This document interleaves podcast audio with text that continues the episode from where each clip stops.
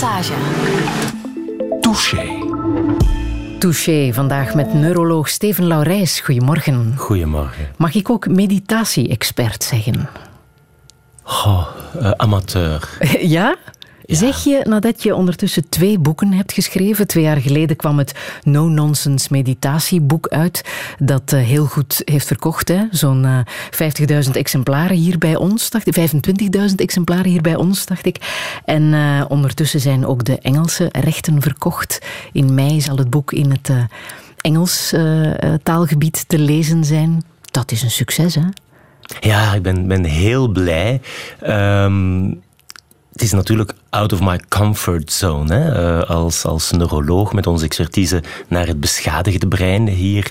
Uitgeverij die kwam vragen wel... Uh, boek over meditatie. En ik ben heel blij, inderdaad. Het is nu uh, in acht talen uh, vertaald en het doet het goed. Dus er is duidelijk een nood aan ja.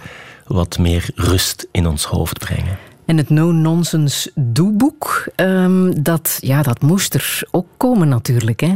Dat was opnieuw hun vraag. Dat is nog meer out of my comfort zone. Ik ben belangen geen zenmeester. Uh, ik heb niemand de, de les te spellen.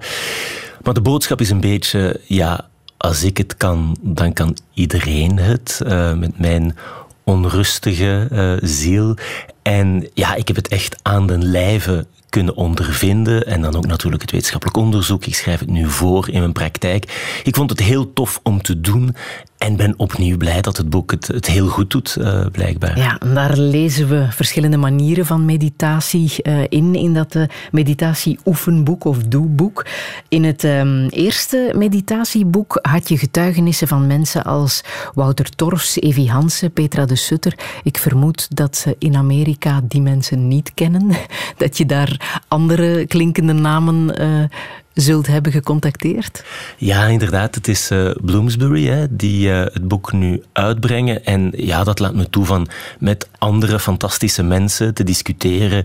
Uh, Sam Harris, David Lynch. Dus ja, dat is, dat is heel Minste. fijn. Ja. Dus je hebt met David Lynch over mediteren gepraat? Absoluut, ja. ja. En, en daar ben ik heel, heel dankbaar voor. En ik, ja, ik vind het belangrijk van andere mensen die hopelijk uh, inspirerend zijn aan het woord te kunnen laten en het zo laagdrempelig mogelijk uh, aan, aan, aan de lezer voor te stellen. En, en er zijn heel veel manieren om het in te vullen. Dus heel veel oefeningen. Ik heb geen enkele school of, of de boodschap van dit is beter dan iets anders. Ja.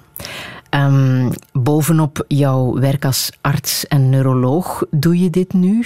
Heb jij nog wel tijd om, de, om te mediteren? Dat is een hele goede vraag. uh, ik, ik, ik, voel me een beetje moe nu. Hè. Een ja. kort nachtje gehad. En mijn vrouw zegt ook, ja, allez, hoe absurd is dit aan het worden? Hè? Je, je, je, je zou je boeken eens moeten herlezen. Uh, want natuurlijk, ja, het werk in het ziekenhuis, op de universiteit en de doctoraatstudenten, dat blijft.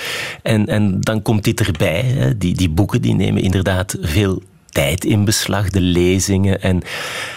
Ja, het is, het is een uitdaging, denk ik, zoals voor iedereen. Hè? De juiste balans vinden tussen werk en privé. Hoe zou jij jezelf omschrijven? Wel, ja, uh, moeilijke vraag. En ik denk dat we soms onszelf, uh, en ook de ander trouwens, een beetje als een karikatuur zien. Hè? Bepaalde eigenschappen. Dus ik denk dat ik soms heel onrustige, uh, ongeduldige gedachten heb.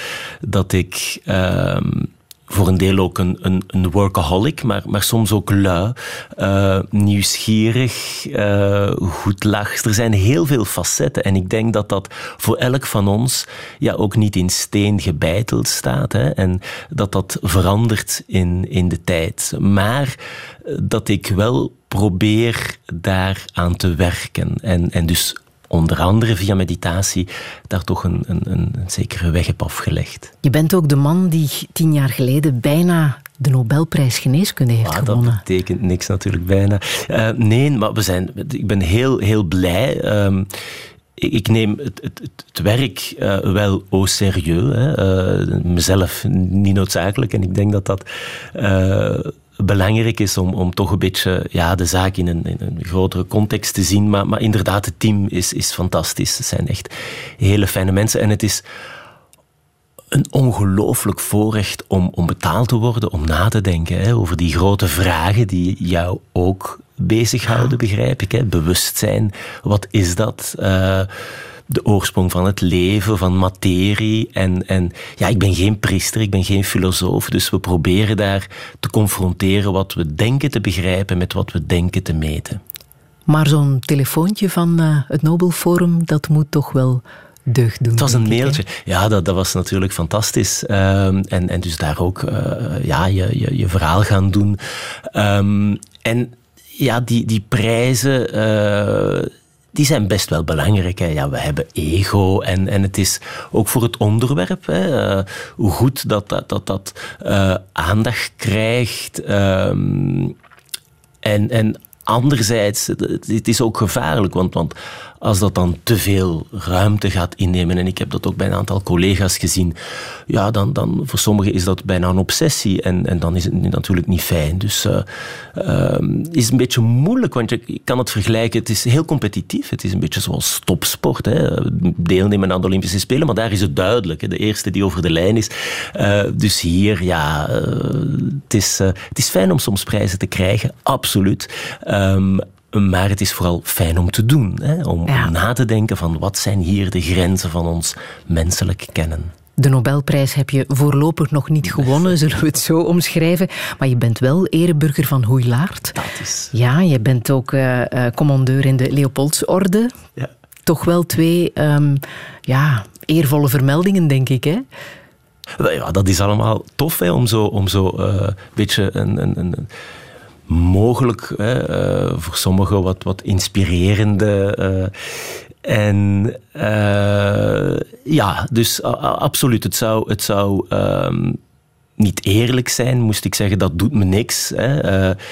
Maar uh, je moet er ook uh, voor opletten. Hè, dat je natuurlijk niet naast je schoenen gaat lopen of dat dat ja, een doel op zich wordt of zoiets. Steven Laurijs, welkom in Touché. Dank je wel. Radio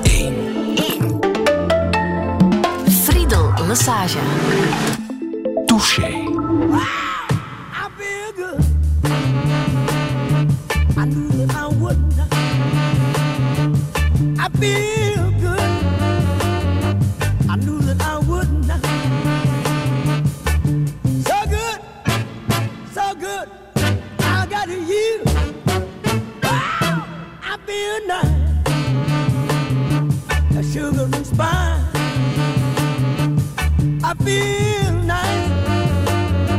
A sugar and spice. So nice, so nice. I got you.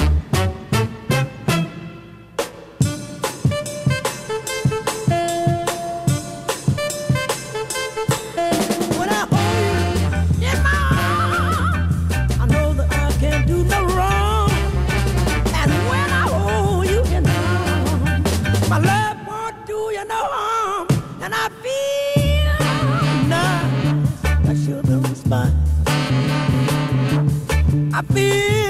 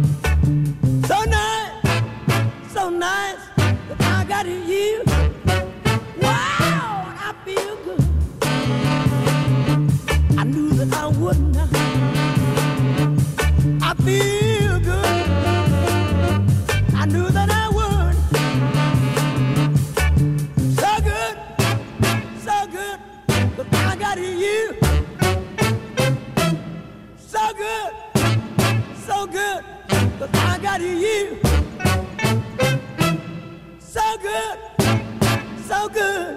I got you.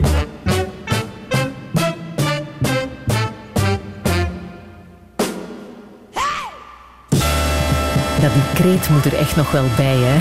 Fantastisch. Het Feel Good nummer van eh, James Brown. Eh, Steven Laurijs wou je absoluut laten horen, omdat het bij jouw levensmotto past. On est là pour être heureux. Ja, ik, ik vind dit fantastisch. Muziek die je, die je blij maakt. Hè. Ik heb hem ook uh, gezien uh, in Brussel zoveel jaren terug. Dat is, dat is een brok energie. Dus uh, ah. heel, heel knap als ik dit hoor. Um, en dan ook de film, hè, waar je Richard Gere ziet. Echt ja, um, in een up-fase. Want hij heeft dan in die film een bipolaire stoornis. Dus ja... Uh, wordt gebruikt in de film Mr. Jones hè, van ja. uh, Mike Figgis. Wat inderdaad gaat over een man die uh, lijdt aan bipolaire stoornis.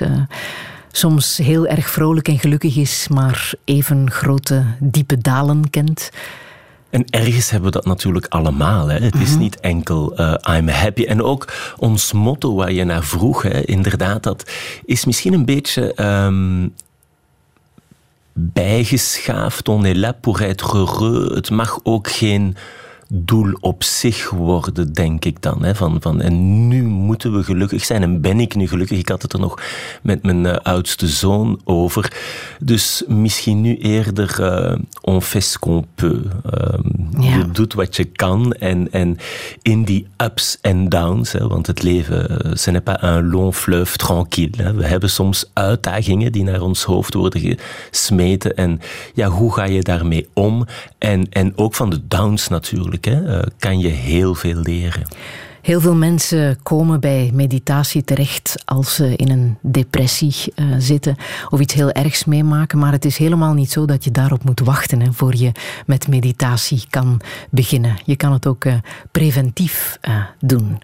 Ja, en dat zouden we misschien meer moeten doen. Hè. Ik, ik hoor dat op mijn consultatie, dat mensen waar ik dan omdat ze spanningshoofdpijn of angsten, slapeloosheid, burn-out uh, hebben. En, en dan heb ik natuurlijk geleerd van pillen voor te schrijven, maar heb ik het nu ook vaak over al die andere dingen die je kan doen. Je levenshygiëne, meditatie is daar één van.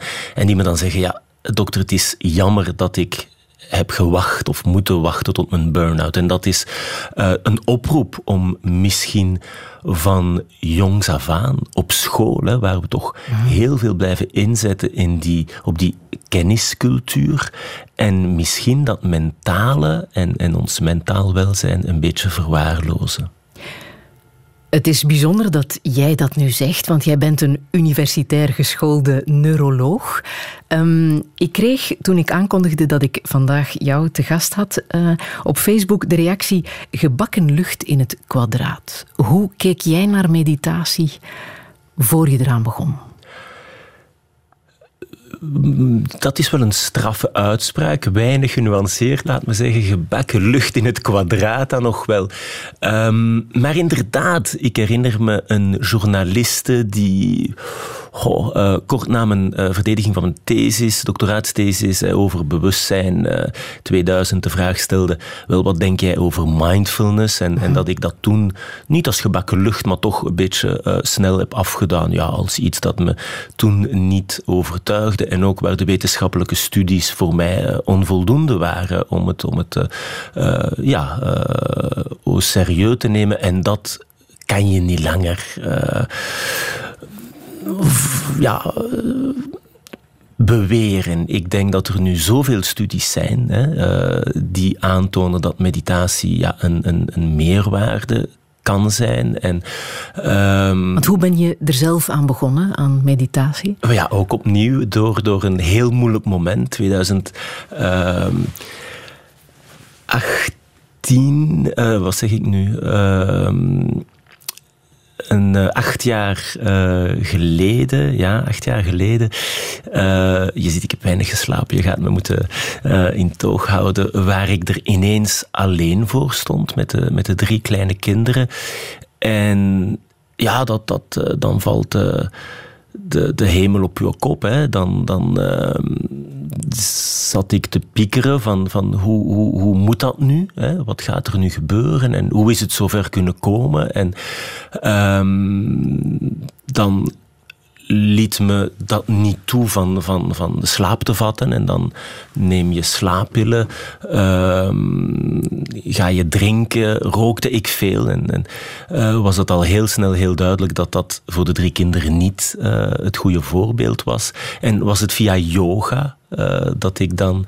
ehm, ja, toch andere manieren heb gevonden. En dan het jaar erna, 2013, eh, een ontmoeting met Mathieu Ricard in Parijs op een TEDx.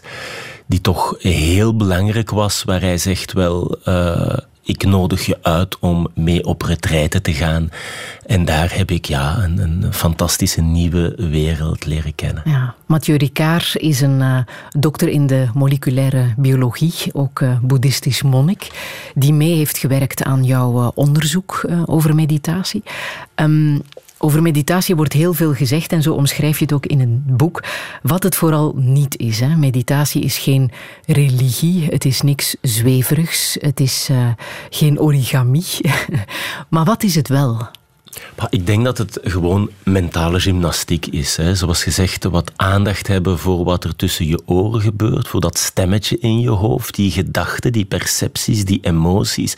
En daar is het ook een beetje ja, ironisch bijna dat ik als eh, onderzoeker naar dat menselijk bewustzijn zo lang heb gewacht hè, om, om het te leren kennen, om het aan den lijve te, te ondervinden. Want inderdaad, je kan er over lezen, je kan met mensen praten, maar uiteindelijk moet je het gewoon doen. Hè. En ehm, Is het een soort herprogrammeren van je hersenen, die terug tot rust brengen om ja, in alle rust opnieuw naar de dingen te kijken? Ik hou niet zo van het woord herprogrammeren. We, het, het eh, impliceert een beetje dat we ons, ons brein en, en, en die, die, die gedachtenstroom ge- ge- gaan vergelijken met een computerprogramma. Ik denk dat dat, dat, dat niet opgaat. Ehm, het is gewoon een, een, een, een uitnodiging om ehm, ja, aandacht te hebben voor, voor wat er eh, gebeurt. Die, die, die inderdaad mentale ervaringen. Ehm, en ja, het is vaak eh, ergens boeddhistisch geïnspireerd, maar dat hoeft helemaal niet zo te zijn. Eh, we hebben wel die, die, die monniken in onze machines gestoken eh, en dat heeft ons toegelaten van in een toch vrij extreme situatie hebben die tienduizenden uren meditatie op hun teller staan van te kijken wat doet dat nu met je brein. Maar uiteraard, en dat is natuurlijk de grote boodschap, je moet geen monnik worden. Ehm, jij en ik, we kunnen er ook eh, de positieve effecten van, van meepikken. En het is dus, ja, ehm, net zoals we eh, wat aandacht hebben of zouden moeten hebben voor ons lichamelijk welzijn. Hè. Met z'n allen bewegen we waarschijnlijk te weinig en dat we eh, gaan eh, via allerlei manieren proberen meer, meer te wandelen, te sporten. Ja, net hetzelfde te doen, maar dan voor je mentale welzijn. Je bent een groot voorstander van meditatie op school, in gevangenissen, misschien zelfs bedrijven, omdat het ons ook veel kan opleveren? Ja, eigenlijk eh, maakt, het, maakt het deel uit van, van ons leven. Hè. Eh, eh, je maakt een groot deel van je tijd door in je hoofd. Dus maak er een, goede, fijne plek van, schrijf ik in het boek. Dus dat is gewoon zo. En ehm, ja, ik, ik, ik probeer daar mijn, mijn steentje bij te dragen om, om dat eh, te, te promoten. Eh, ik vind het heel bijzonder dat ik als zorgverlener er niks heb over geleerd. Hè. Ik word verondersteld van voor anderen te zorgen, maar ik heb ten eerste nooit echt geleerd om voor mezelf te zorgen.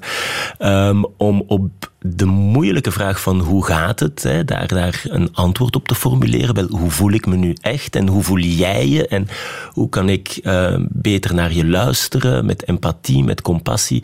Dus ehm, ja, ik vind echt dat dat meer aandacht vraagt.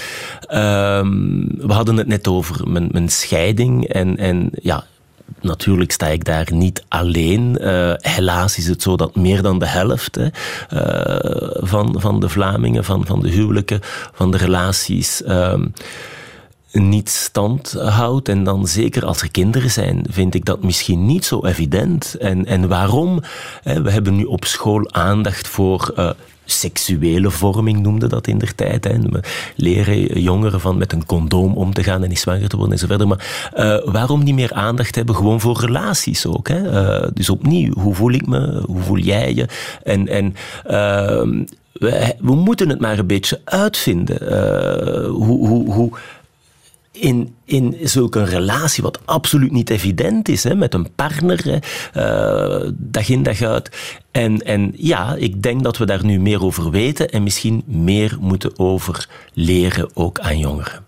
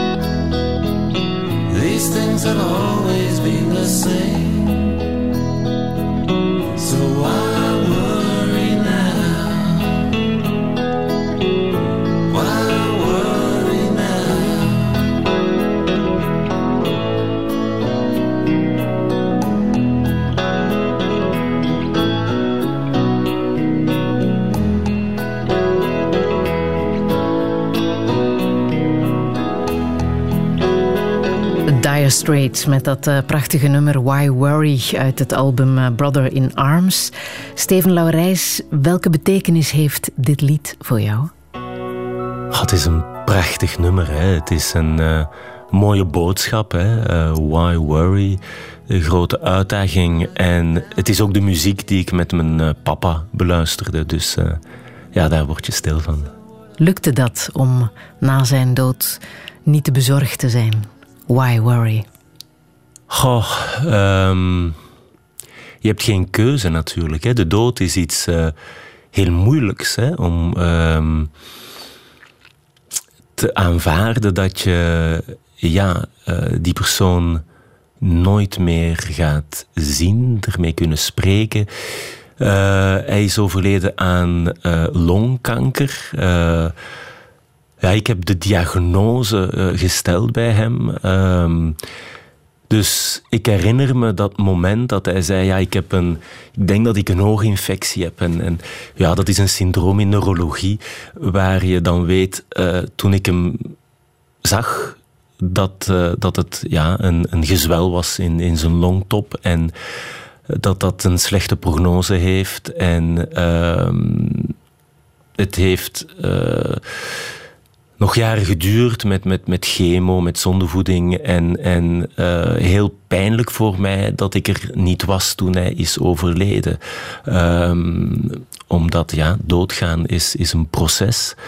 Uh, en als het dan gebeurt, ja, dan, dan ondanks het feit dat je het weet, uh, komt het in, in, in, in, in mijn geval opnieuw heel, heel on, onverwacht. En, en ja, moet je toch maar verwerken.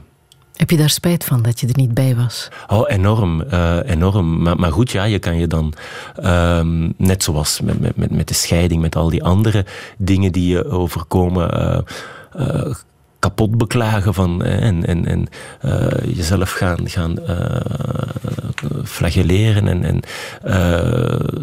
de uitdaging is dan natuurlijk om met die meest moeilijke momenten toch uh, daar iets positiefs mee proberen te doen. Hè. Um, en ja, uh, ik, uh, ik denk dat dat, dat, dat een, een grote uitdaging voor, voor ons allemaal is. En ja, natuurlijk is, is, is hij er nog wel, hè, dan in, in, in mijn gedachten. En, um, Wat voor iemand was hij?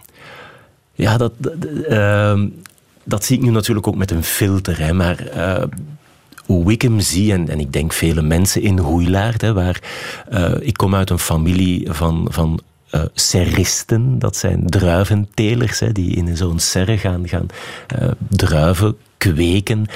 Um, mijn grootvader was dat, uh, dus ik, het glazen dorp. Ik ben daar uh, opgegroeid tussen, tussen die serren. En mijn vader was dat ook, vond dat eigenlijk maar niks. Dus is dan beginnen banden repareren. Want hij is tot zijn twaalfde naar school gegaan. Dat, dat kon hij wel doen. Altijd uh, met een, een grote glimlach, een groot hart, heel eerlijk.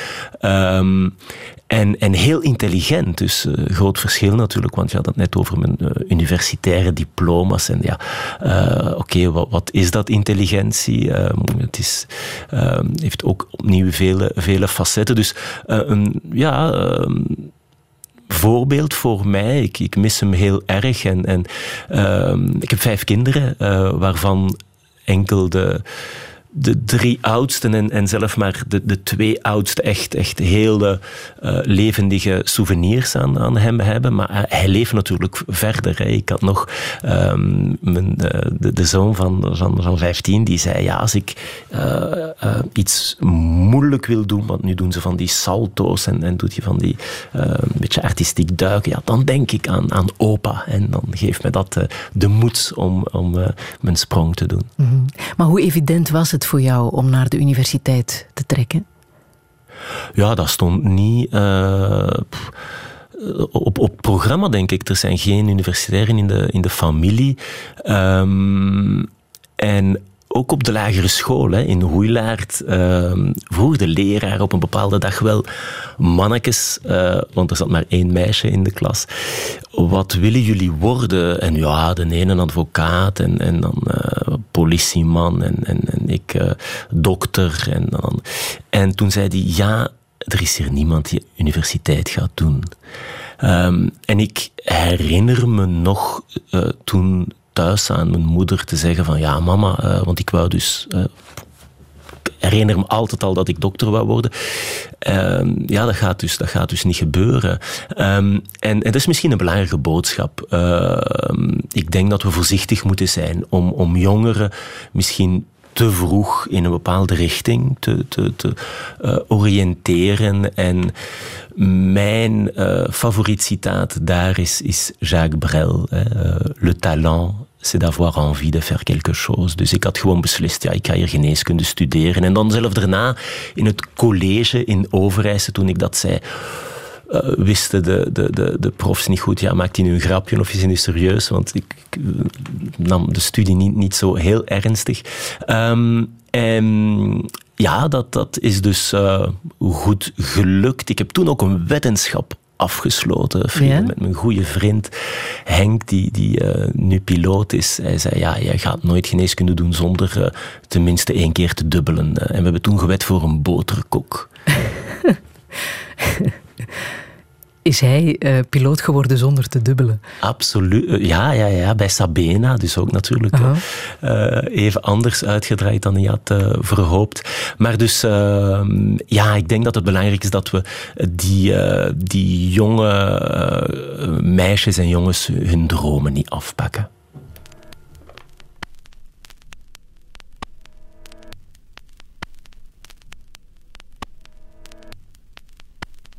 009. 500 milligram dose administered. Experiment begins.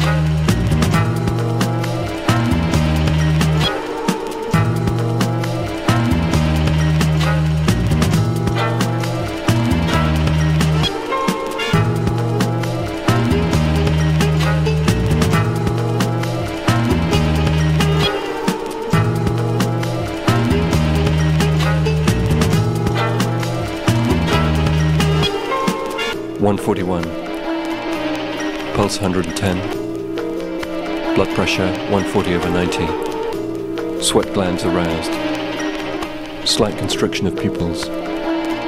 Inducing stage Two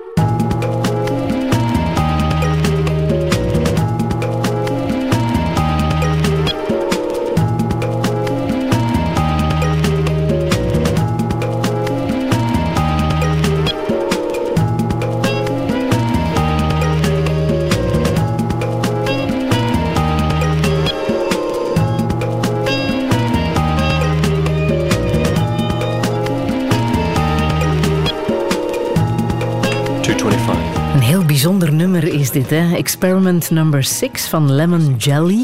Steven Laurijs, ik herken daar meteen wel de arts, de wetenschapper in. Is het herkenbaar voor jou? Ja, ja ik eh, vind het inderdaad heel eh, bijzonder en een, en een goede illustratie van hoe moeilijk het is voor ons als wetenschapper, hè, waar we objectieve metingen doen en je hoort hier en noteert precies en hij zegt ja, de pupil is zus en zo. En toch, wat gebeurt er hier voor de proefpersoon? Of het, is het misschien een, een, proefdier? Ehm, en hoe kunnen we daar die subjectieve ervaring hè, ergens opmeten? Dus dat is de grote uitdaging van, van eh, onderzoek naar bewustzijn, hè, waar jij op dit moment de enige bent hè, die weet wat denk ik, eh, welke emotie, welke perceptie en, en, en dan met al die machines en scanners en metingen eh, daar proberen eh, op een objectieve manier onze kennis te vergroten. Of misschien zou ik moeten zeggen onze onwetendheid uh, een beetje proberen te verkleinen. Je leidt aan de Universiteit van Luik de Coma Science Group. Daar doe je onderzoek naar comateuze toestand. Hoe is bij jou de interesse voor uh, de coma-patiënt uh, begonnen? Um, dat is een vraag die ik zo vaak heb gehoord en, en ik uh, ja, hoor mezelf dan een antwoord formuleren dat dat um, deels waarschijnlijk correct is als arts, waar je geconfronteerd wordt met coma, hè, uh, op de spoed, op intensieve, is er die frustratie van, ja, hoe zeker weet ik hier dat de patiënt onbewust is? Hè? terwijl niemand een verklaring heeft, zelf geen definitie voor bewustzijn. Dus hoe, hoe kan ik dat hier gaan opmeten? Um, en dan natuurlijk die, die, die grote filosofische vraag. Wat is bewustzijn? En dat is vergelijkbaar met wat is leven? Wat is materie? De oorsprong van die. En dan, dan wordt het natuurlijk al snel uh, filosofisch en is het fantastisch om nu inderdaad, um, dankzij die, die uh, toestellen, hè, je hangt natuurlijk af van, van de, de methodologie, van de technologie van je tijd, uh, daar een kleine bijdrage te kunnen ehm, met het team ehm, brengen en, en, en dan die onzekerheid verkleinen. Hè. Uh, is de patiënt bewust of niet? Uh, gaat hij herstellen? Wat kunnen we doen therapeutisch? Dus uh, dat, is, dat is heel, heel mooi. Je hebt gezorgd voor een doorbraak in 2006, hè, toen je werkte met de patiënt Rom Houben, die na een ongeval 23 jaar lang in coma lag. Wat uh, was daar precies de kentering? Wat heb je daar precies ontdekt? Ja, eh, coma duurt maar een paar dagen tot een paar weken. Hè. We, we mm -hmm. gebruiken dat uh, vaak voor al die patiënten die niet kunnen ja, communiceren of, of die een ehm, na coma, als je dat overleeft en je opent de ogen, maar al je bewegingen zijn reflexen, dat is iets wat we in de jaren zeventig persisterend vegetatieve toestand noemden. En ik vind dat een verschrikkelijke term, vegetatief. Je gaat geen mensen met planten vergelijken. Dus we hebben daar hard gewerkt uh, om, om daar uh, een andere term voor te gebruiken. En we noemen die patiënten nu niet responsief, want dat is wat we eigenlijk zien. We gaan uh, patiënt vragen van doe iets, knijp in mijn hand. En als hij dat doet, fijn, dan ben je bewust. Als hij dat niet doet, heb je niet noodzakelijk bewezen dat hij onbewust is. Hè. Dus dat is um, een test die ja, we al gebruiken sinds het oude Egypte. En, en waar er natuurlijk een toegevoegde waarde is van die hersenscans. Kijk wat gebeurt er in dat brein. En dan heb je inderdaad patiënten waar je denkt er is hier geen reactie, geen respons. En die komen dan inderdaad naar ons, een van heel Europa, met dat etiket vegetatief, hè, nu niet responsief. En dan zien we soms dat er veel meer gebeurt hè, in de geest, in, in het brein. Uh, en hebben we dat dan uh, ja, ook kunnen, kunnen gebruiken bij een deel van die patiënten. Het is een minderheid, maar ze bestaan wel degelijk. Um, om uh, ja, niet alleen aan te tonen dat er, dat er wel gevoelens en percepties zijn, maar ook uh, een communicatie die we dan via die fMRI, uh, die functionele magnetische resonantiescans, of via de brain-computer interfaces aan sommige van hen kunnen voorstellen. Dus ik denk, het, het, was een historische vergissing om bewustzijn als alles of niets te, te bezien. Dus het is, het is niet zo zwart-wit. Je bent bewust, je bent onbewust. Nee, sommigen zitten er een beetje tussenin. dus daar hebben ook hard gewerkt aan het uh, erkennen van uh, die zogezegd minimale bewustzijnstoestanden. Misschien moeten we eerder zeggen minimale uh, responsieve toestanden. Ja. het is altijd een moeilijke discussie om de kwaliteit van leven daarbij in te schatten. Hè?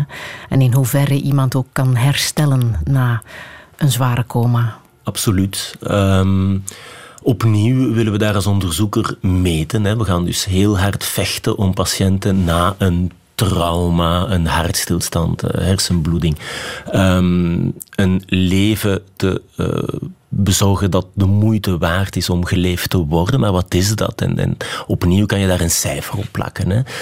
Um, mijn grote uitdaging is om, om met het team uh, op de vraag, ja, wat is het om zo minimaal bewust in een toestand waar je soms een beetje bewust bent van wat er rondom je gebeurt, maar niet kan communiceren.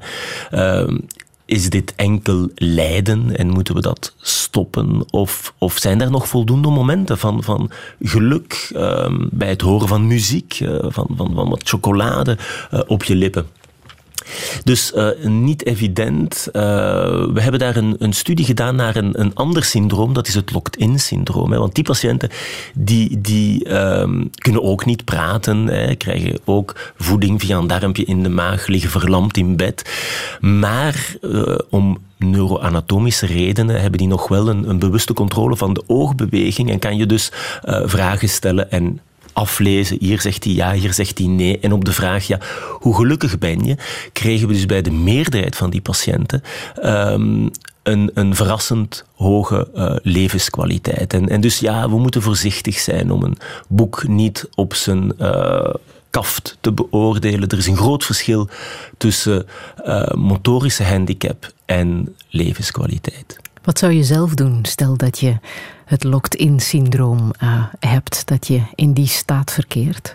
Wel, de, eerste reactie bij veel mensen is: ja, ja, ja, uh, ik, ik, hoor die nu wel praten, maar als het mij overkomt, trek de stekker uit. Hè. Dat, is, dat is wat veel mensen wel denken. Absoluut. En ook artsen trouwens. Ze moeten daar voorzichtig zijn en vooral de patiënt centraal uh, houden. En, en, hij is de enige die, die weet hè, wat hij ervaart en of hij wil doorgaan of niet. En, en daar moeten we natuurlijk rekening mee houden. Want je hebt ook patiënten, dat hebben we ook met onze studie aangetoond, die ja, uh, met dat syndroom, hè, waar je verlamd bent en enkel met de ogen kan communiceren, lokt in, opgesloten in een verlamd lichaam met een perfect bewuste geest euthanasie vragen. En dat vind ik ook belangrijk, van dan niet de andere kant op te kijken natuurlijk. Dus dat hebben we ook gehad in het ziekenhuis. Dus de, de uitdaging is om inderdaad um, als arts uh, je, je rol te zien als degene die informatie verschaft. Oké, uh, wat denken we hier te begrijpen? Wat is je diagnose? Wat is je prognose? Wat, wat kan ik therapeutisch voorstellen? En het is de patiënt die uh, beslist. Natuurlijk, na coma is het zo dat je dan niet meer kan zeggen hè, wat je zou willen. Vandaar de grote oproep eigenlijk naar alle luisteraars. Want het kan zo over uh, zijn. Hè. Ik ben naar hier gereden met de wagen. Je kan een, een auto-ongeluk hebben Helaas is dat wat elke dag gebeurt op onze Belgische wegen. Je op intensieve uh, terechtkomen of een hersenbloeding, een hartstilstand. Dus wat wil je dan dat artsen doen als jij het bent die in dat bed ligt? Dus je kan dan een levenstestament opmaken. Dat is, dat is heel nuttig. Maar het is moeilijk van al die scenario's te anticiperen. Dus praat er gewoon over met iemand die je goed kent. Zeg het aan je huisarts. Um, en, en dan kan die persoon in jouw plaats uh, vertellen aan de artsen wat jouw waarden zijn. En daar heb ik geen enkel waardeoordeel over uh, te vormen. Hè. Uh, het is aan mij dan van dat te respecteren. Religie speelt daar natuurlijk een, een grote rol. Ben jij Jehovah-getuige bijvoorbeeld? Kun, kan ik helemaal andere uh, meningen hebben, maar moet ik rekening houden, moet ik respecteren wat jij denkt. Maar dan nog is het heel erg moeilijk om dat nu te weten. Hè? Dat is waar. Maar het is de minst slechte oplossing. Hè? Mm -hmm. We hebben toch bepaalde waarden um, en laat het weten aan de mensen rondom. Ja, maar je hebt absoluut gelijk. Je gaat je natuurlijk aanpassen aan die nieuwe realiteit. Hè? Dat, uh, dat weten we ook bij een reeks ziektebeelden. Uh, het denk ik, uh, minst goede wat we kunnen doen, is het als een taboe beschouwen. Hè? En, en er niet willen over spreken. En ook artsen die dan dingen gaan doen zonder er met, met collega's of familie over te praten. Dus hou het transparant, wees eerlijk. Hè? Ook uh, als het gaat over je onzekerheid. Want ik merk dat natuurlijk met families die, die vragen, ja, maar wat gaat er gebeuren? En, en vaak moet ik zeggen, wel, eigenlijk weten we dat niet. Soms is het duidelijk en dan, dan uh, bijvoorbeeld hersendood, dat, dat is absoluut niet evident. Dan moet je echt de tijd nemen om te zeggen, wel ja, je, je geliefde, je, je, je familielid ligt daar, uh, ademt via die machine, zijn of haar hart klopt nog, die voelt warm aan, maar het is dood. Dus dan moet je echt de tijd van nemen. Het is absoluut niet intuïtief wat we zien als dood. Um, soms weten we natuurlijk uh, dat er geen redelijke kansen op een redelijk herstel zijn en gaan we dat aan de familie communiceren. En soms is het gewoon onduidelijk en moeten we dat ook um, zo eerlijk mogelijk en, en met de meest simpele bewoordingen, maar correct, uh, met die familie uh, ja, proberen de beste beslissing te nemen.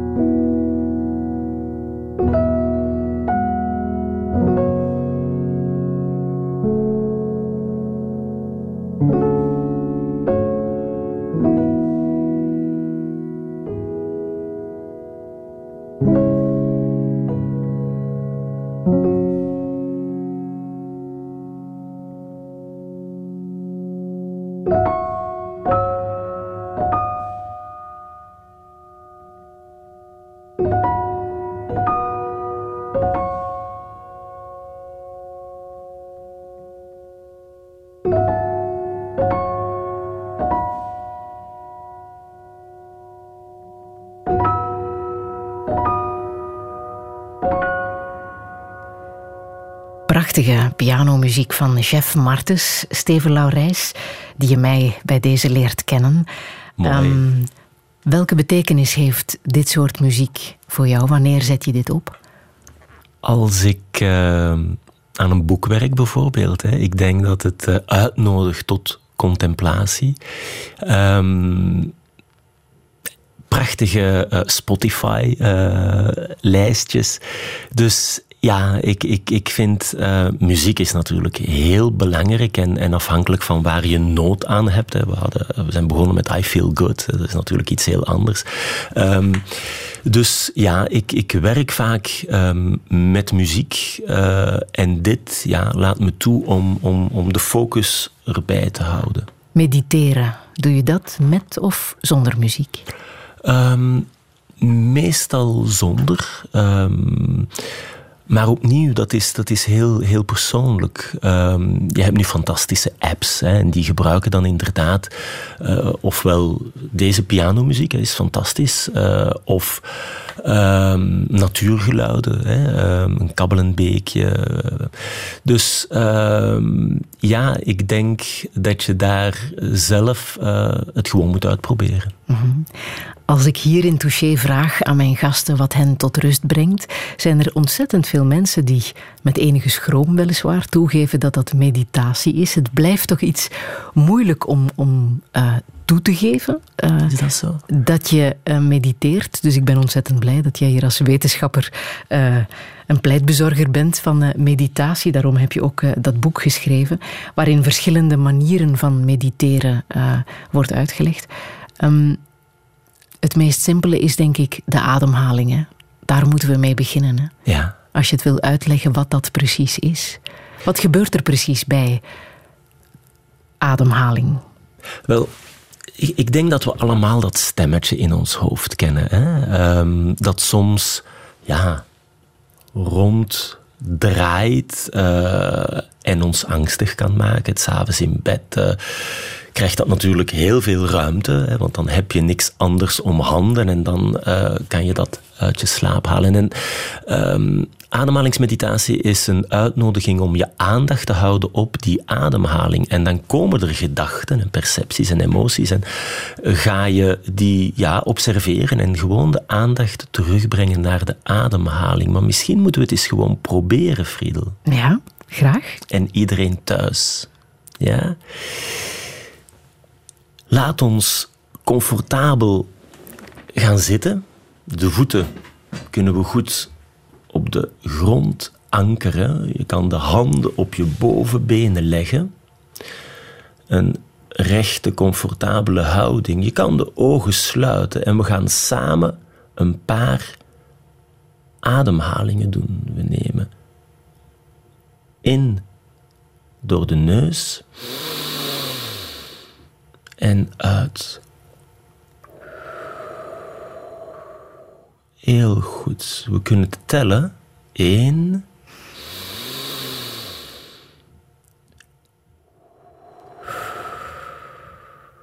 En nog eentje en iets langer uitademen.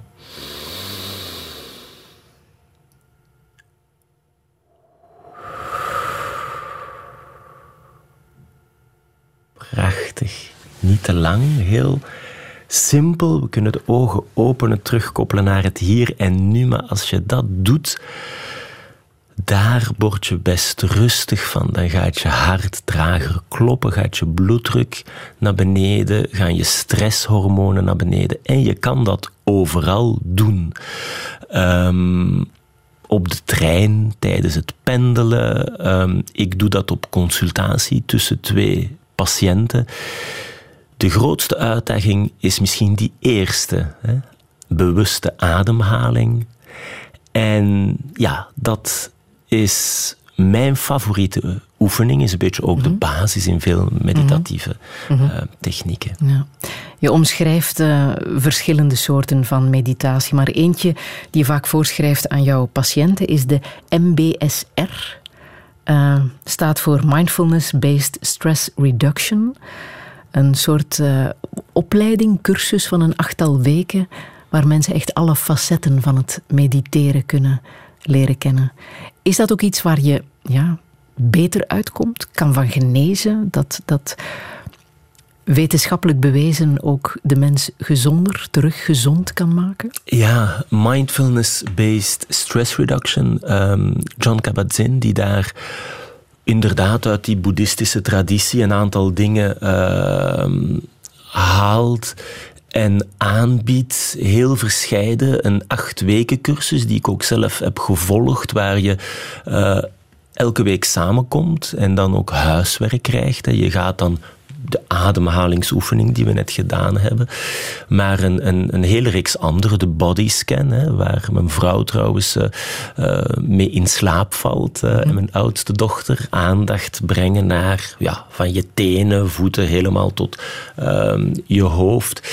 En, en dat is momenteel de meest bestudeerde vorm van meditatie, die inderdaad helpt en zelf even uh, goede resultaten kan hebben dan medicijnen bij angst, bij depressie, pijn.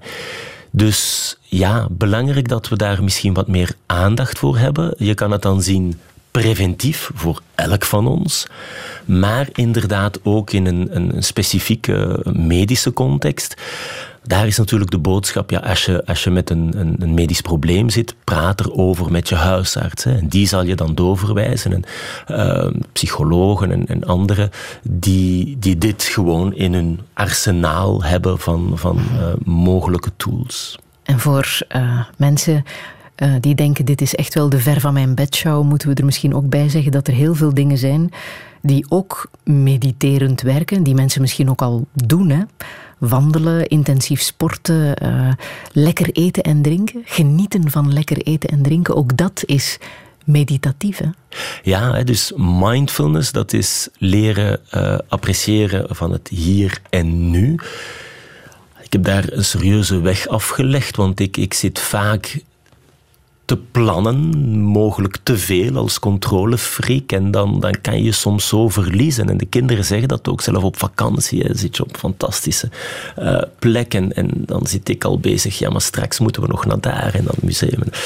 Uh, of uh, breng je een groot deel van je tijd in je hoofd door met je verleden. En mogelijke trauma's of dingen die je hebt. En ja, dat kan je natuurlijk niet veranderen. Dus uh, leren appreciëren van het hier en nu. En dat kan inderdaad een, een goed glaasje rode wijn zijn. Een, lekkere maaltijd. Met de kinderen koken. Een wandeling. Ik denk inderdaad dat we vaker aan meditatie doen dan we denken.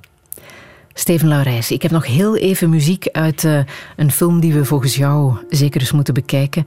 Le Scaphandre uh, et le Papillon.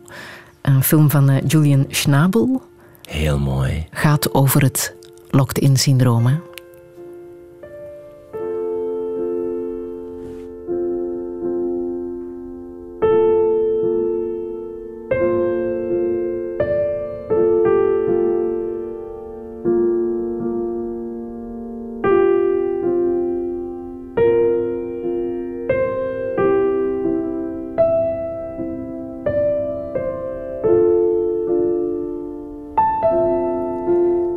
Muziek uit Le Scaphandre et Le Papillon, gebaseerd op de autobiografie van uh, journalist Jean-Dominique Bobby.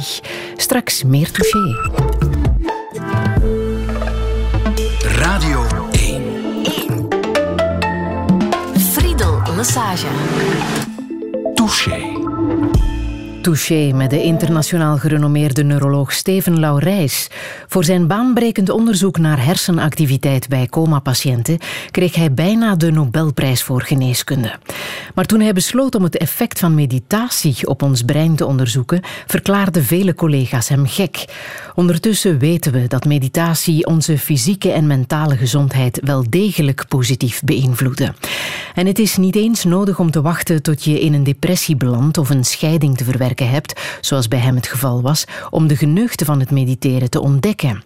Maar hoe doe je dat precies, mediteren? Staan we wel genoeg stil bij de grote levensvragen? En wat is doodgaan precies? Dit is Touché met Steven Laurijs. Een goede middag.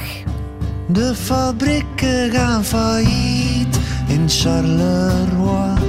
En het geld stroomt naar de Maas in Charleroi. Niet van politiek in Charleroi. Maar men houdt wel van elkaar in Charleroi. In Charleroi. In Charleroi.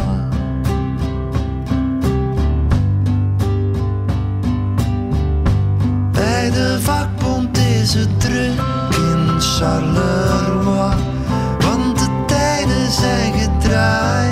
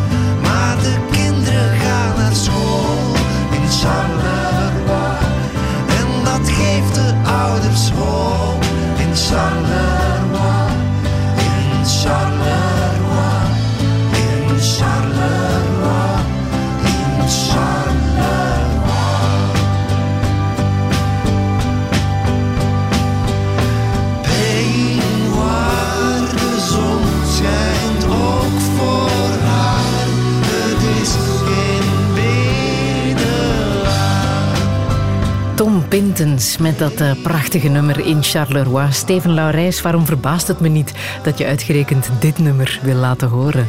Jij vertoeft natuurlijk heel erg veel in eh, Wallonië, woont er zelfs. Waarom wil je het laten horen? Ja, ik, ik vind dat we als Vlamingen Wallonië onvoldoende goed kennen. Hè. Ik, ik woon nu inderdaad in Luik. Ik wist helemaal niks over Luik. Mijn eh, ja, vooroordeel was, was niet echt positief. Ik vind dat jammer eh, dat we dat bijna als het buitenland beschouwen. En ja, daarnaast, als je luistert naar de tekst, je, je,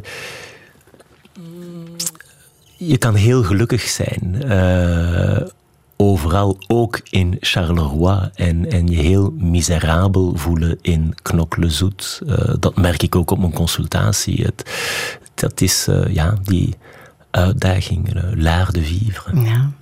Helpt mediteren om gelukkiger te zijn?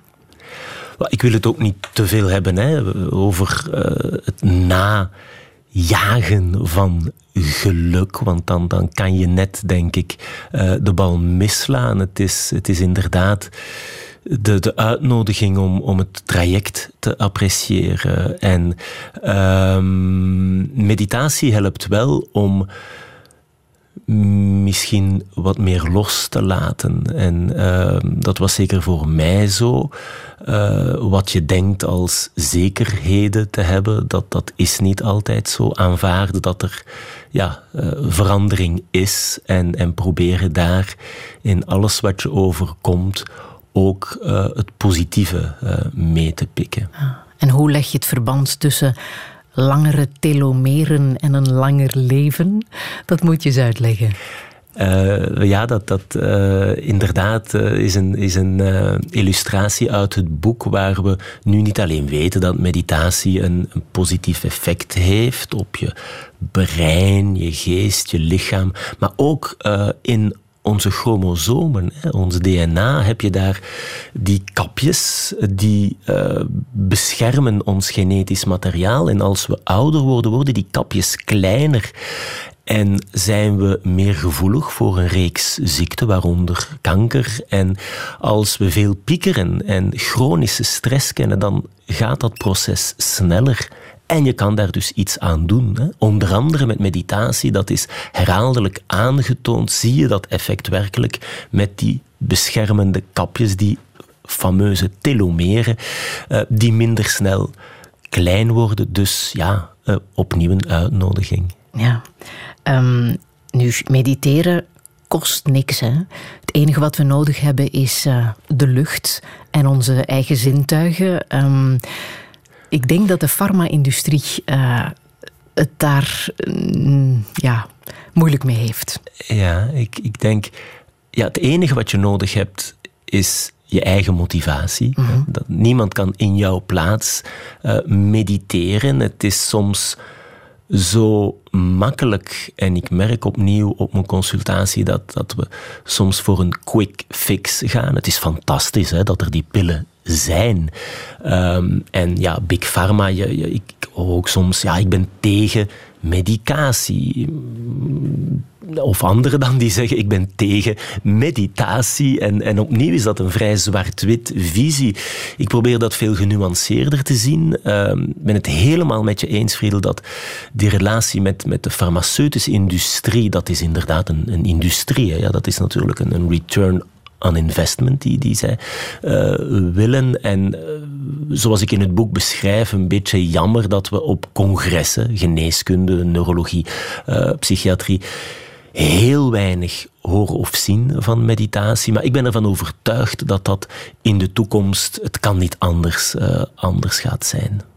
Je schrijft ook dat uh, bepaalde grootsteden, uh, Tokio, Seoul, echt wel inzetten op um, de organisatie van hun stad om de mogelijkheid te bieden om tot rust te komen, veel natuur, uh, en dat dat ook effectief ja, effect heeft bij, bij de burgers. Ja, dat is inderdaad wat die studies aantonen. Um, ik, ik uh, breng een deel van mijn tijd door in, in China. Ben ook uh, in Japan, Tokio. Ja, dat is zo'n drukke stad dat je al snel voelt, ja, ik heb hier nood hè, aan wat rust en de natuur kan ons dat brengen. En dan heb je daar ja, die, die bostherapie. Dat is echt specifiek gebruiken van stukjes natuur om je tot rust te laten komen. En ik denk dat dat misschien nu, en met de COVID is dat heel duidelijk lijkt het me, de uitdaging is van we leven toch in een, in een wereld waar we permanent worden gebombardeerd met prikkels en, en high-tech. En we hebben het over artificiële intelligentie en, en um, ja, virtuele realiteit. En, en toch is de uitdaging om terug te koppelen naar ons mens zijn, uh, de natuur en, en onze relatie daarmee. Wat zou je de politici dan aanraden als we de maatschappij stilaan moeten hervormen tot uh, iets menselijker, iets gezonder? Wat is voor jou dan echt noodzakelijk? Wel van meer aandacht te hebben hè, voor uh, ons mentaal welzijn. Ik heb dat al herhaaldelijk gezegd nu met COVID. Horen we heel veel virologen en ik denk dat de aanpak van de COVID-19-crisis veel meer is dan een virus alleen. En ik vind het jammer dat er ook nu nog, hè, we kunnen nu toch niet zeggen dat, dat we uh, ja, niet weten wat de uitdagingen zijn en eigenlijk veel te weinig beroep doen op de expertise van die psychologen, van die ja, uh, experts in mentaal welzijn. En, en het virus wordt overgedragen door mensen met hun menselijke gedragingen. En we hebben daar grote noden. En ik denk dat het voor iedereen duidelijk is. De jongeren, is heel moeilijk voor hen. En, en we zijn wat snel om. Uh, hun ja, uh, te beoordelen. Uh, ik roep op tot wat meer inlevingsvermogen, wat meer inderdaad empathie, compassie. Net zoals de ouderen. Hè. Uh, mijn eigen moeder is, is een straf natuurlijk, zoals voor al die andere ouderen, om sociaal geïsoleerd te zijn. We zijn sociale dieren, de zelfstandigen. Ik denk dat we ja, echt nood hebben aan meer aandacht voor het mentale aspect. Ik las in jouw boek ook dat um, bij de 12-jarigen 90% van de kinderen aangeeft dat ze meer stilte in hun leven willen. Ja, daar uh, stond ik ook uh, heel, heel wow, uh, verbaasd van uh, als ik op scholen kom en, en ja, als onderzoeker dan, dan ga ik al snel een uh, experimentje doen en, en, en stel ik vragen waar ze op een papiertje op de vraag, ja, heb jij behoefte aan stilte en rust? Heb je soms momenten waar je angstig bent, waar je slapeloos bent. En inderdaad, ook al die tieners hè, die het op school uh, moeilijk hebben, die het soms thuis moeilijk hebben. En nu met COVID opnieuw is dat nog uitvergroot. Dus natuurlijk moeten we daar meer aandacht voor hebben. Jouw eigen kinderen, de kleintjes, mediteren die? Uh, de kleintjes, de grote, uh, allemaal op hun manier. Hè. Het, het is iets wat je ook niet kan opdringen. Hè, van, en nu moet je mediteren. Ik ben heel blij. Mijn oudste dochter, Clara, 21, uh, zit op uh, de universiteit. Uh, Hugo 19 hetzelfde. Ze hebben het ja, niet makkelijk hè, met al die virtuele lessen. Uh, we pakken een deel van hun mooiste jaren af. En uh, chapeau voor wat ze, wat ze toch uh, doen. Heel inspirerend. En ja, zij mediteren. we vullen dat op verschillende manieren in. Op internet is er heel veel te vinden. Um, en hoe vullen ze dat in? Omdat ze naar jou hebben geluisterd of net niet?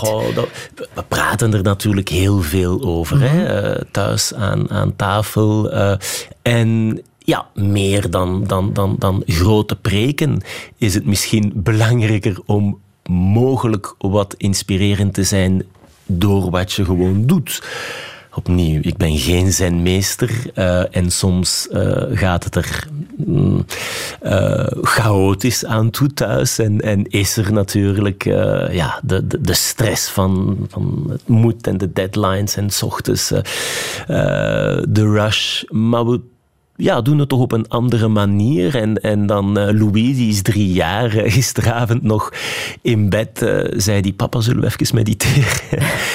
en, en dan zit hij zich zo in, in kleermakers en, en dat is fantastisch. Ik denk dat we tenminste ik, heb heel veel geleerd van, van mijn kinderen. Ik denk dat we van nature zenmeestertjes zijn. We zijn mindful. We zitten echt in het moment als we samen een wandeling maken. We zijn gisteren uh, bos uh, ingetrokken. Ja, zij, zij zijn echt meestertjes in het appreciëren van het hier en nu.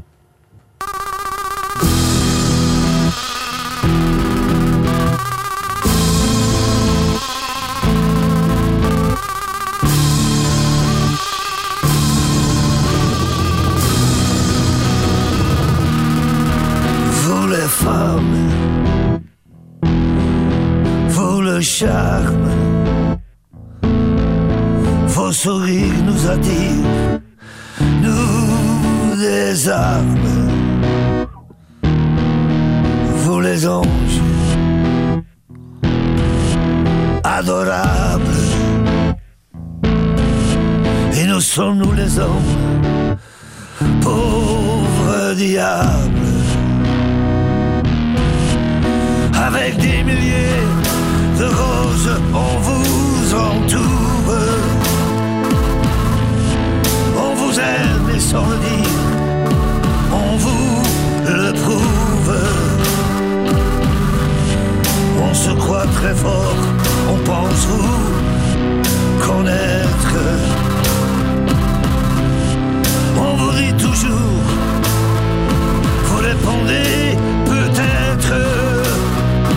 Oh, vous les femmes, vous mon drame, vous si douce, la source de nos larmes. Pauvre diable que nous sommes vulnérables, misérables, nous, les hommes.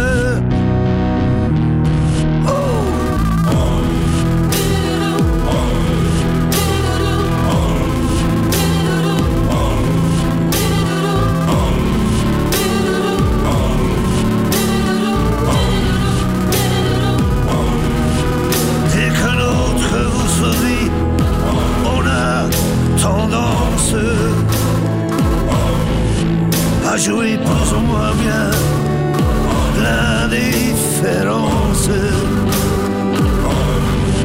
On fait tout pour se calmer, puis on éclate.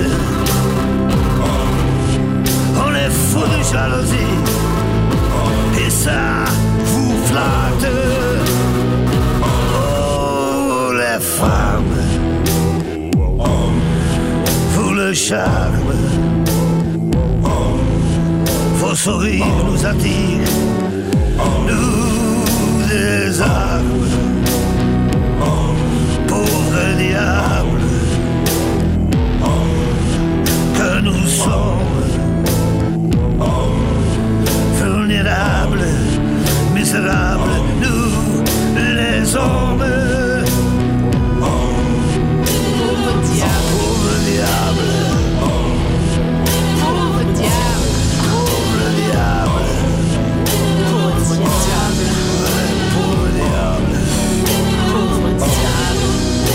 Vous les femmes, het is een nummer van Julio Iglesias, hier in een eh, versie van Arno die hij gemaakt heeft voor de film Les Garçons et Guillaume à table.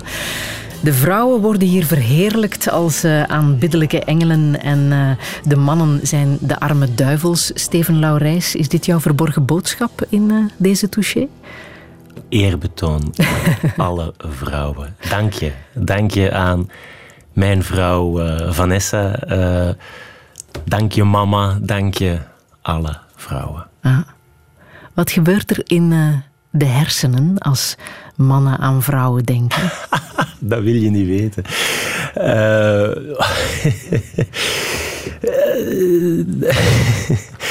ehm, ja, er, er kan he- heel, heel veel eh, gebeuren. En, en wat is liefde? Kan je dat reduceren tot één hersengebiedje, één chemisch stofje? Ja, dat eh, is, is heel moeilijk. Ehm, ik vind het best wel belangrijk om, om, om dat te proberen. En dat kan je bijvoorbeeld ook eh, beter, eh, ja, liefdesverdriet bijvoorbeeld, aan te pakken.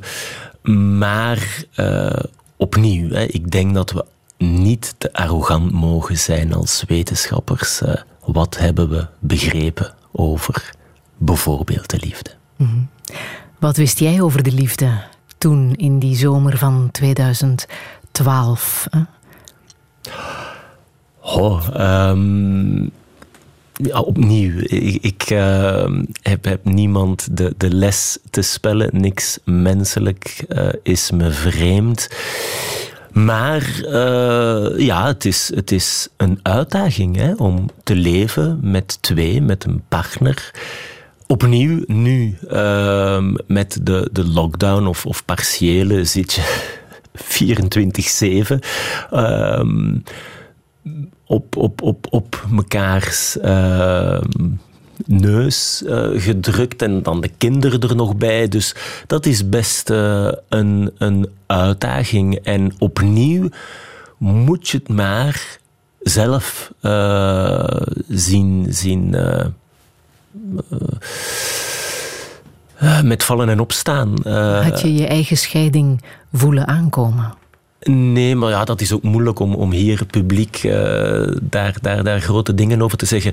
Nee, ik, ik vind het wel belangrijk dat we eh, misschien meer aandacht hebben eh, over die uitdaging, hè, die we allemaal als, als koppel kennen en die weinig aandacht krijgt. Ik vind het bizar dat we het als, ja, het is normaal dat de helft van eh, koppels uit elkaar gaan. Ik vind dat niet zo normaal. We hebben campagnes hè, eh, waar we het hebben over aidspreventie, waar we het hebben over eh, ja, het dragen van de veiligheidsgordel en ongelukken op onze wegen. En waarom zouden we het niet kunnen hebben over, ja, misschien is dat niet zo evident, dat we ook de helft van die kinderen hè, toch iets ehm, waar ze helemaal niet hebben voor gekozen, gaan aandoen. En eh, ik denk ja, dat dat anders kan en misschien moet.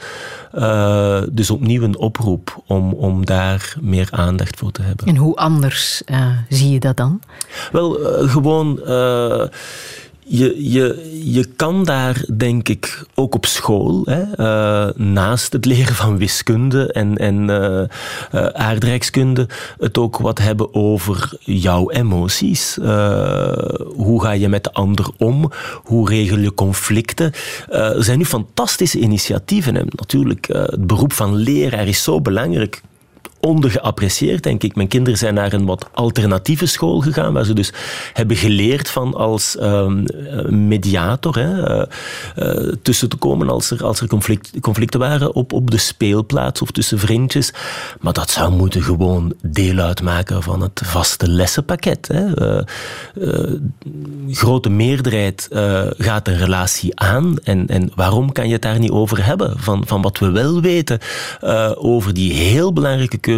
Zeker als je je engageert voor iets ja, waar je niet terug kan. Dat is ehm, het maken van een kind samen.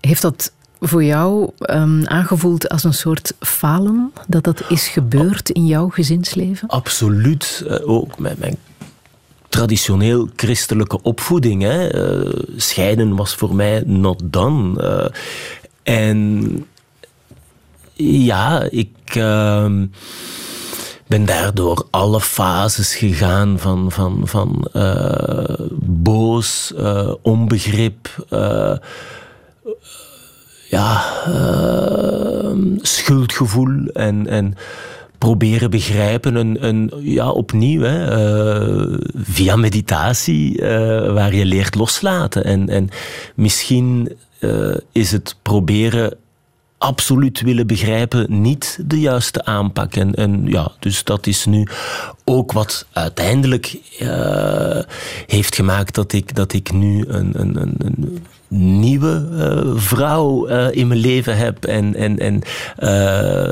twee jonge kindjes. En, en ehm, ja, dat eh, de grote uitdaging om, om in, in, in die crisissen toch iets positiefs te zien, est un mal, est un bien, ehm, neemt niet weg dat het natuurlijk voor, voor kinderen van gescheiden ouders, eh, eh, want het is ook dan een vechtscheiding geweest en natuurlijk ja, de advocaten die worden betaald door de ouders. Ik denk dat daar veel te weinig aandacht gaat, hè, opnieuw naar mediatie, naar eh, preventie eh, en, en er wordt weinig rekening gehouden met, met hoe zij dit allemaal maar moeten zien eh, door te komen. En, en ik hoorde nog die advocaat zeggen, eh, bij uh, ils vont s'adapter, hè, ze zijn flexibel. Ja, eh, ik eh, denk dat het eh, best een, hele grote uitdaging voor hun is geweest en nog steeds is.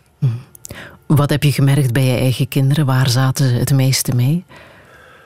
Goh, ehm, het is uh, ook voor elke leeftijd weer anders. Hè? Ah. Um, maar zeker voor tieners is het, is het niet evident. En, en dan, uh, ja, het, het, zoals gezegd, uh, als dat dan voor een rechtbank komt, dat is, dat is gewoon niet goed, omdat dat dan helemaal wordt gepolariseerd en, en dan praat je via, via die advocaat, hoor je heel bizarre dingen zeggen. Dus uh, ja, ik uh, vond dat heel moeilijk, omdat ja, je kan natuurlijk zelf omgaan met een moeilijke situatie. En, en dat is uh, dan, dan jouw uh, parcours en uitdaging. Maar, maar om je kinderen te zien lijden, dat is, dat is echt voor mij heel moeilijk geweest. Mm. Het is natuurlijk altijd moeilijk als een gezin uit elkaar valt.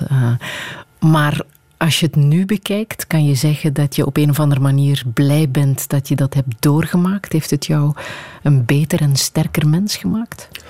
Uh, het heeft mij zeker uh, enorm beïnvloed. En, inderdaad, uh, dat, soort crisissen. Hè, uh,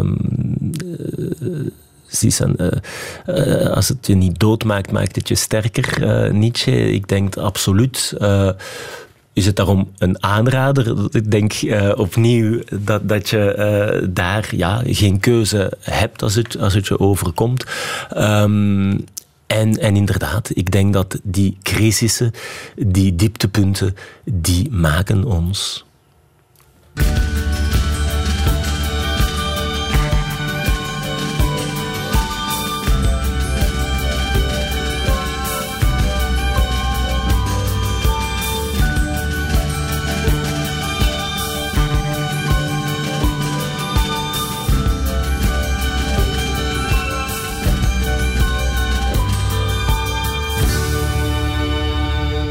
Als ik doodga. En ik naast mijn lichaam sta, dan zal ik rustig blijven wachten. Tot ze me komen halen. De goede geesten van het licht want zij zullen me leiden naar de eeuwig groene weiden. Als ik doodga, zal ik helemaal niet bang zijn. Ik zal zelfs heel tevreden zijn want ik heb vertrouwen in wat er komen zal. Niemand loopt verloren als hij op weg is naar het heelal. Als ik doodga dan zal God me vragen wat ik met al die mooie dagen van mijn leven heb gedaan. Hij zal vragen waar ik zat, of ik aan hem wel heb gedacht toen ik hem niet nodig had. Als ik doodga en ik naast mijn lichaam sta, begint alles van tevoren. Want ik word opnieuw geboren eer alles is voltooid, zal ik nog dikwijls moeten sterven.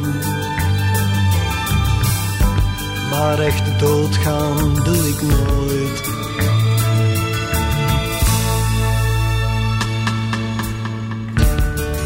Urbanus, zoals we hem niet echt kennen. Als ik doodga, Iedereen gaat dood, ook Urbanus, Steven Laurijs. Moeten we daar iets meer bij stilstaan, dat het ons allemaal zal overkomen? Wel, ja, ik denk het. Het moet geen obsessie zijn natuurlijk om er permanent aan te denken, maar mag ook geen taboe zijn. En ehm, we gaan allemaal dood, er zijn weinig zekerheden en toch is er die. Hoe ga je daarmee om? Ik denk dat we het allemaal moeilijk hebben om onze eigen sterfelijkheid te aanvaarden. Hè. Dat is ja, natuurlijk ook het domein van, van elke godsdienst, hè, die dan een ehm, verhaal heeft over uh, leven na de dood. Um, en als arts natuurlijk met het team waar we ja, bijna permanent worden geconfronteerd hè, met, met de, de, de meest tragische situaties waar het plots van het ene moment op het andere kantelt. Uh, ja, daar, daar leer je wel iets van. Dus uh, ik, uh, ik vind het goed om, om er tenminste over te, te kunnen en mogen praten. Mm. Het is een grote fascinatie natuurlijk van de mens om te weten wat er effectief gebeurt hè, na de dood. Jij doet onderzoek naar bijna doodervaringen. Wat weet je daar ondertussen over? Goh, de dood is natuurlijk um, moeilijk om, om, wetenschappelijk aan te pakken, omdat het per definitie irreversibel is. Hè. Dus um, inderdaad kan je kijken wat bij bijna dood, mensen die een hartstilstand hebben en worden gereanimeerd en ons soms vertellen wat zij hebben ervaren, terwijl wij dachten dat ze helemaal ja, er niet meer waren en geen enkele gedachte, perceptie en emotie zouden kunnen um, hebben. En ik vind het heel belangrijk om daar onderzoek naar te doen, omdat we ja, veel films en, en bestsellers over bijna dood kennen en eigenlijk verrassend weinig wetenschappelijk onderzoek. Ik denk dat het een domein is waar we ons als wetenschapper hebben geautocensureerd en dat is geen goed idee. Um, niet alle collega's zijn het met mij eens, en dat is een understatement, dat we dat doen. Het is niet makkelijk. Uh, soms heb ik de indruk dat we in het midden van de brug van beide kanten worden beschoten. Hè. Uh, zowel vanuit religieuze hoek als, als ook de, de, de uh, vrijzinnige. Um, en ja, bij deze misschien een oproep, Friedel. Mm -hmm. Als er mensen zijn die zo'n bijna dood ervaring hebben gehad, deel ze met ons via e-mail ja. NDE van Near Death Experience, NDE apenstaart uliège.be, want eigenlijk praten we hier over iets ja, waar we niks over weten, omdat we het zelf nooit hebben gehad. Hè. En opnieuw is er die frustratie en dus de noodzaak om vooral goed te luisteren naar zij die het wel hebben ervaren. Klopt het dat jouw moeder ook een bijna doodervaring heeft gehad? Dat klopt en dat heb ik pas uh, te weten gekomen ja, nog niet zo lang geleden, ja. uh, toen we het uh, met het team bestudeerden en uh, ze me vertelde dat 24 december 68 nu al. Um, ja, uh, veel sneeuw. Mijn papa die met de mini naar Leuven reed. Uh, dat is een dag waar er niet zoveel artsen zijn in het ziekenhuis. En het was een keizersnede. En ze heeft heel veel bloed verloren. En dus inderdaad um, een bijna doodervaring gehad die niet zo positief bleek te zijn. En, en um, het heeft dan ook heel lang geduurd voor ze daar met andere mensen heeft over uh, gepraat. Zoals wel vaak het geval is. Dus uh, ja, dat is inderdaad nog uh, een, een, een bijzonder uh, iets waar we, denk ik, opnieuw niet de arrogantie mogen hebben van te zeggen: oké, dit hebben we helemaal begrepen. Dit is een chemisch proces in een brein dat te weinig zuurstof krijgt. Op. Um, terwijl we, denk ik, ook niet mogen zeggen, dat lijkt me even dogmatisch, van ja, dit is het bewijs van de ziel, van bewustzijn, kosmisch of wat dan ook, buiten het brein. Dus wat we proberen te doen met het team is die, die, dat juist evenwicht van te zeggen: oké, okay, uh, we gebruiken die wetenschappelijke methodologie, we gaan gewoon uh, luisteren en dan natuurlijk met al die machines proberen dit beter te verklaren. En wat denk je zelf? Is er iets na de dood? Well, dat is een heel persoonlijk gegeven. Ehm, ik heb daar ook een heel parcours afgelegd. Dus een, een, een katholieke opvoeding. Uh, ja, in der tijd kwam de, de pastoor bij ons thuis uh, eten en de gesprekken. En ook met de godsdienstleraar. En dan natuurlijk al snel die frustratie van... Ja, maar ik krijg geen antwoord op die vragen. Ben ik heel bewust naar de VUB gegaan. Hè, vrij onderzoek. Um, misschien Nee, zeker. Maak ik nu een beetje de, de, de beweging van terug ja, naar, naar een zekere vorm van spiritualiteit. Hè. Uh, is het enkel dat weten? Uh, ik, ik ga nu meer voor de ervaring zelf uh, en gewoon de, de verwondering hè, voor dat, dat formidabele iets dat we hier uh, ervaren, leven. dit fantastisch fijn gesprek. Um, ik heb er geen probleem mee om dood te gaan. Uh, dat dat eindig is. Ik, ik wens niet onsterfelijk te zijn. Ik ben ook geen voorstander van transhumanisme, van Human 2.0 of van me te laten invriezen zoals je nu kan doen. Uh, of je, je, je bewustzijn op een uh, harddisk, een computer, zoals Human Brain Project gaat over het modelliseren van uh, het menselijk brein en, en, en gedachten, percepties, emoties.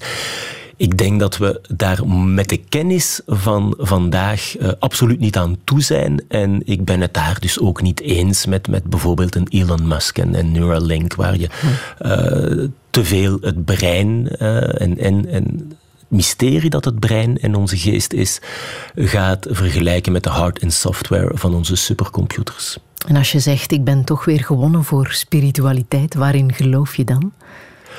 In de liefde.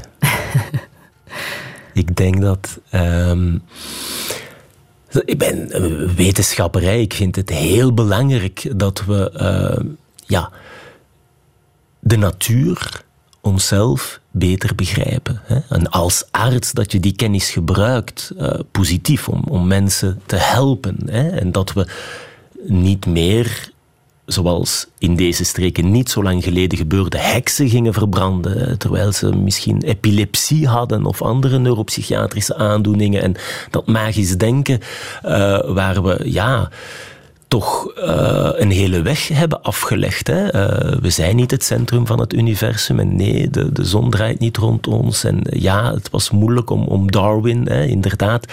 Uh, dat is nu nog niet evident, hè, evolutietheorie. En ehm, de grote Nobelprijs, de dubbele helix, ons DNA. En toch is het leven meer dan enkel een dubbele streng. En kan je uh, naar een regenboog kijken, uh, naar de sterrenhemel kijken, een, een, een, baby zien geboren worden en dat natuurkundig voor een deel begrijpen. En, en de uitdaging lijkt me toch ook vandaar met meer verwondering te genieten van, van die ervaring. Het is um, dankzij jouw geliefde, Valerie, dat je een. Uh, Vanessa. Uh, sorry, dat je, jou, uh, dat je een prachtig verhaal hebt leren kennen over twee wolven. Staat in jouw boek. Misschien moet je het gewoon voorlezen. Ja. Op een avond vertelt een oud Indiaans opperhoofd aan zijn jonge kleinzoon over de strijd die binnen in elk mens woedt. Lieve kleinzoon, in ieders hart leven twee wolven die de hele tijd met elkaar willen vechten. De ene wolf heet kwaad. Hij draagt al onze gevoelens van woede, afgunst, verdriet, hebzucht, arrogantie, wrok. En de andere wolf heet goed. Hij zit vol vreugde, vriendelijkheid, troost, liefde, hoop, rust, begrip en compassie. Zijn kleinzoon denkt er even over na en vraagt dan: Wel, Welke wolf wint dan, opa? De oude Indiaan antwoordt eenvoudig: De wolf die jij het meest voedt. Dat is een mooi verhaal. Ja. Heb ik inderdaad leren kennen door mijn uh, Canadese echtgenote Vanessa, die wat Indiaans, hè, eh, Native American bloed heeft. En ik vind dat inspirerend. Ehm, die animistische visie, dat respect voor de natuur. Ehm, en dit soort verhaaltjes ja, vind ik, vind ik eh, best fijn om te delen met bijvoorbeeld onze kinderen. Mhm. Je bent uh, op dit moment deels in België en deels in, uh, in Canada. Ga je ooit verhuizen? Um, ik heb geleerd hè, om uh, inderdaad verandering te aanvaarden en wat los te laten. We zijn een deel van de tijd nu al in Quebec. Ik vind dat prachtig, die um, ja, wijdse natuur. Maar ook de, de, de Noord-Amerikaanse cultuur, toch? Hè? Um, het feit dat je uh, daar um, misschien meer een, soort meritocratie hebt. Als je iets doet, moet je hier in Vlaanderen je bijna soms gaan excuseren als je uh, hier of daar uh, iets, iets opbouwt. Of, of, en ik, ik vind dat niet nodig. Ik, ik vind het goed om, om uh, ook uh, renforcement positief, positive uh, reinforcement, om positieve feedback te krijgen en, en, en aan projecten te kunnen werken. Dus ja, ik geniet heel erg van onze verblijven daar. En omdat het nu ook heel druk is, we hadden het net, hè, die uitdaging om, om het juiste evenwicht te vinden tussen werk en leven, privéleven, eigenlijk leven te koer, uh, gaan we ook volgend academiejaar uh, ginder doorbrengen. Een sabbatical? Ja, dat is mijn 25ste jaar aan de Universiteit van Luik. Ik denk dat ik het wel heb verdiend en ja. ga wat meer tijd uh, echt kunnen uh, maken en vinden voor mijn boeken. Ah, dan toch nog een heel klein beetje werken. Ja, dat zit in het beest.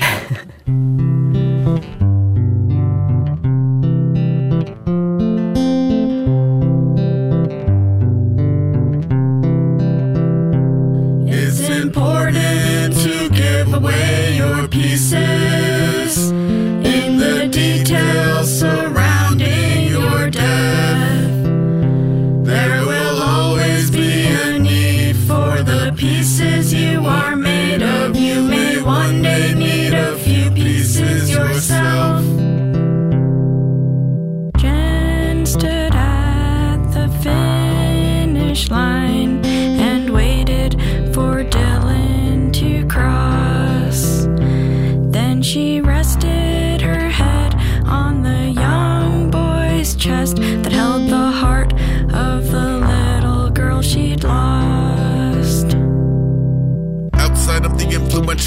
your idolatries, the object will be turning goodbyes into good biology. There will be a DOA who has some ports that seem okay, coinciding with someone you know that needs a piece replaced. And we will stand around the corpse, fishing in a well of ribs, treasure hunting just before they show you what the devil is. Nobody is judging you to vilify the guilty. I will cut and dry, be leaving with your kidney. It's important to give away your pieces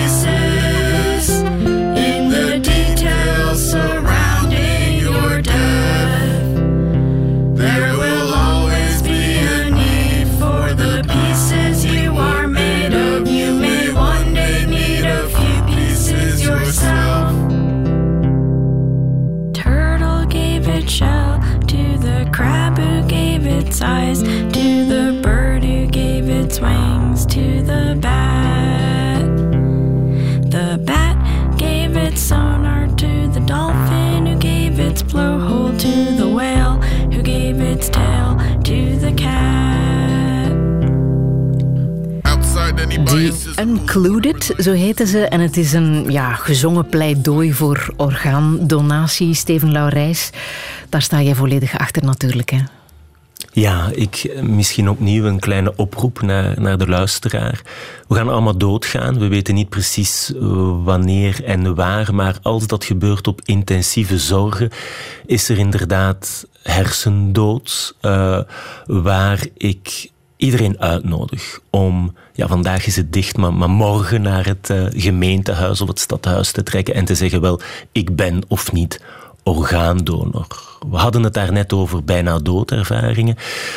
En ja, de vraag, is er leven na de dood? Wel, we hebben eigenlijk het wetenschappelijke bewijs van leven na de dood. Dat is orgaandonatie. Je kan zeven levens redden voor één patiënt die hersendood is. Dus ik denk dat het goed is dat we daar um, ja, zoveel mogelijk ruchtbaarheid aan geven. Bij deze. En we zetten het ook nog eens op onze website. Um, je hebt een ontmoeting gehad met onze koning, hè? Ja, een paar keer. Ja. En je hebt hem ook die vraag gesteld, dacht ik. Of hij zijn organen wil schenken aan de wetenschap. Ja, ja, ja. ja ik vind het altijd belangrijk. Uh, ik heb dezelfde vraag gesteld aan de Dalai Lama bijvoorbeeld. Hè. Ik, uh, ook uh, uh, toen ik in het Vaticaan bij Jean-Paul II, Johannes Paulus II. Um, mensen nodigen me niet noodzakelijk een tweede keer uit, maar ik denk dat het goed is om ja, van die gelegenheden te profiteren en dat zulke grote uh, persoonlijkheden of, of, mensen met, met, met invloed daar inderdaad een statement kunnen maken. En wat waren de antwoorden van deze heren die je nu hebt vermeld? Ja, ik heb de. de um, Koning Filip heb ik een beetje uh,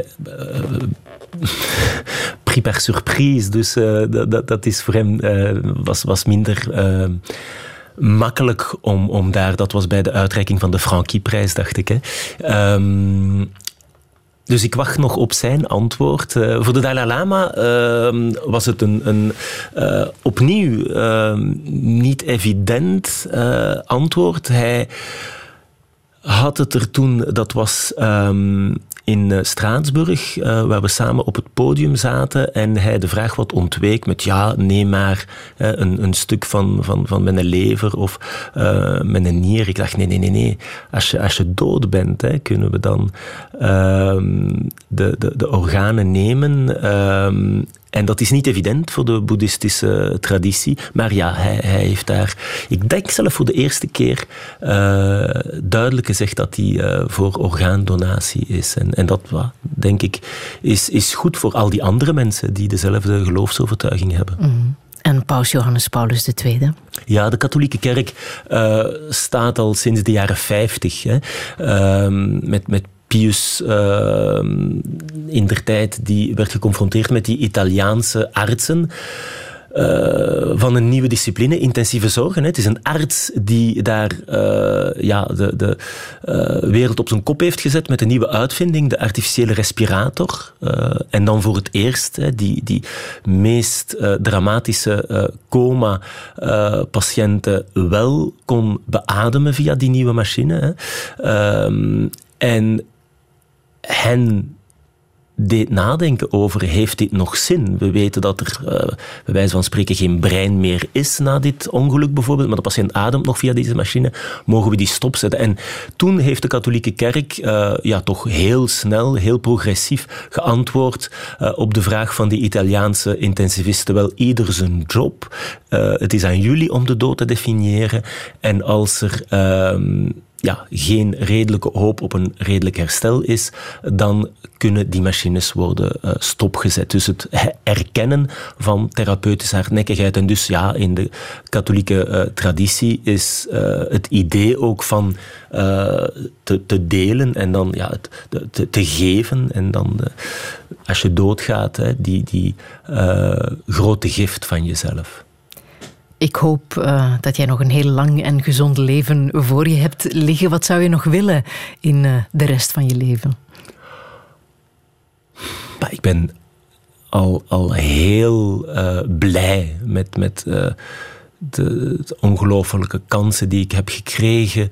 Um, ik heb er geen probleem mee om te sterven, zoals gezegd. Het, ehm, maar voor het zover is? Is voor mij, ja, professioneel gezien natuurlijk, is het mijn droom om bewustzijn hè, te, te, te, begrijpen en te verklaren en dat te vertalen naar een betere uh, klinische aanpak. En ondertussen van gewoon proberen een betere mens te zijn. En daar is nog werk aan de winkel. Dus ik, um... Is dat ook jouw boodschap die je hier nog wil meegeven? Voor ons allemaal? Opnieuw, eh, ben geen pastoor, maar misschien wel een oproep ehm, om, om meer aandacht te hebben voor ons mentaal welzijn, ja. Zullen we eindigen met eh, die ode aan de Scientist van Coldplay in een live versie op Werchter. Je hebt ze ook eh, live gezien, hè? Ja, met uh, mijn vrouw was toen zwanger, dus dat is een nummer dat een ja, speciale plaats inneemt bij ons thuis.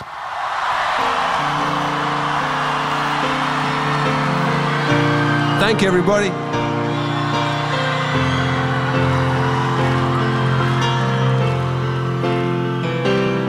Everybody okay?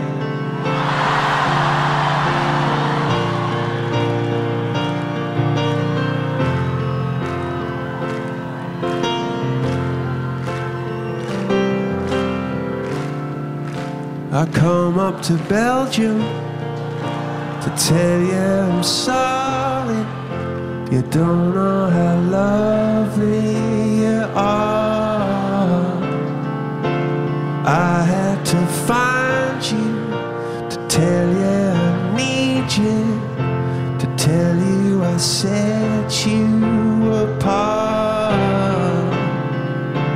Tell me your secrets, and ask me your questions. And no, let's go back to the start. Running in circles chasing our tails, heads on a silence apart. Nobody said, Oh, it's such a shame us to part. Nobody said Coldplay live op Werchter. Met dank aan Steven Laurijs. Alle info van de dingen die hier ter sprake zijn gekomen staan na te lezen op onze website radio1.be. Nog een keer diep in- en uitademen kan helpen. En volgende week heb ik hier acteur Peter de Graaf te gast, die trouwens ook heel vaak mediteert. Nog een hele fijne zondag allemaal. Herbeluister Douché via de podcast, de Radio 1-app en radio1.be. Thank you.